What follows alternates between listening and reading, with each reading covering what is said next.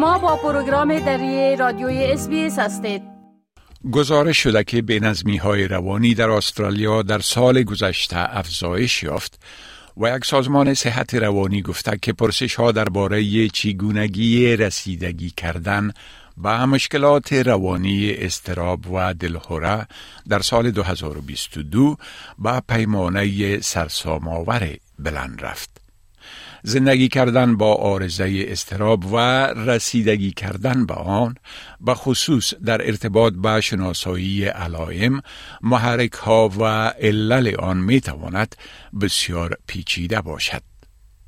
تخمین زده می شود که بیش از دو پنجم یا 44 فیصد استرالیایی های 16 تا 85 ساله در طول زندگی خود یک اختلال روانی را تجربه کردند. نهاد بنیانز هلت کیر می گوید که میزان مردم مبتلا به آرزه استراب در سال 2022 در مقایسه با سال 2021 به پیمانه 278 فیصد افزایش یافت. تحقیقات نشان می دهد که تنها 3.4 میلیون استرالیایی 16 تا 85 ساله به خاطر صحت روانی خود به یک متخصص صحی مراجعه می کنند. متخصصین می‌گویند که مردم در صورت آشنا شدن با علائم فشار روانی و استراب می توانند در وقت تبارز این نشانه ها در پی رسیدگی به آنها شوند. آنها می‌گویند که علائم استراب عبارتند از احساس مداوم عصبی بودن، احساس مکرر ترس و وحشت، عذاب یا خطر کردن، افزایش ضربان قلب، به نفس افتادن، افزایش لرزش، عرق کردن و مشکل داشتن در تمرکز فکری، بیخوابی یا مشکلات خواب. در حالی که استراتژی های متعددی وجود دارند که می توانند در مدیریت استرس و استراب مؤثر باشند اما مردم مبتلا به استراب شدید ممکن به نقطه برسند که صرف شرکت در یک برنامه درمانی تخصصی مؤثرترین راه برای بهبودی کامل آنها باشد. متخصصین توصیه می کنند که با در نظر داشت افزایش پرسش های مربوط به استراب همراه با افزایش شمار مردمی که به خاطر صحت روانیشان کمک می طلبند بسیار مهم است که استرالیایی ها این را بیاموزند که استراب چگونه معلوم می شود علل رایج آن چی هستند و برای کاهش اثرات منفی آن و بهبود رفاه کلی چی کار باید بکنند؟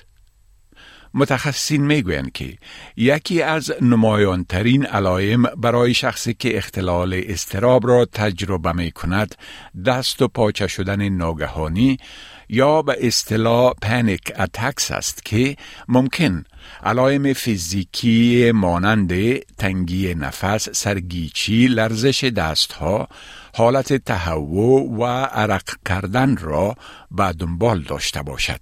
همچنان این نشانه ها و علائم ممکن به طور مداوم با وجود موجودیت هیچ گونه تهدید قابل تشخیص ظاهر شوند. آرزه استراب اکثرا به وسیله یک علت یا عامل ایجاد نمی شود بلکه عموما توسط محرک ها یا تجربیات متعددی به وجود می آید که حل نشده باقی می مانند. وضعیت ها یا محیط ناراحتی آفرین مداوم عوامل وراستی استعمال مواد مخدر و خصوصیات شخصیتی همگی ممکن در ایجاد آرزه استراب و تشویش نقش داشته باشند. متخصصین صحی انواع گوناگون درمانهای روانشناسی و طبی مبتنی بر شواهد را برای آرزه استراب توصیه کرده و می‌گویند که بعضی از درمانها برای انواع خاصی از عوارض استراب بهتر عمل می کنند. در صورتی که علائم استراب مشاهده می شوند اگر این علائم خفیف باشند متخصصین صحت عموما ایجاد تغییرات در سبک زندگی مثل ورزش منظم بدنی و کم کردن فعالیت های تشویشزا و استرس آفرین را پیشنهاد می کنند. همچنان توصیه می شود که کسانی که با آرزه استراب مصاب می شوند باید از نوشیدن الکل و استعمال دواهای تفریحی یا مواد مخدر پرهیز کنند. سیگرت را ترک کنند و نوشیدنی های کفیندار را کاهش دهند یا ترک نمایند. از تکنیک های کنترل استرس و آرامی دهنده استفاده کنند به خواب اولویت بدهند و غذای سالم بخورند.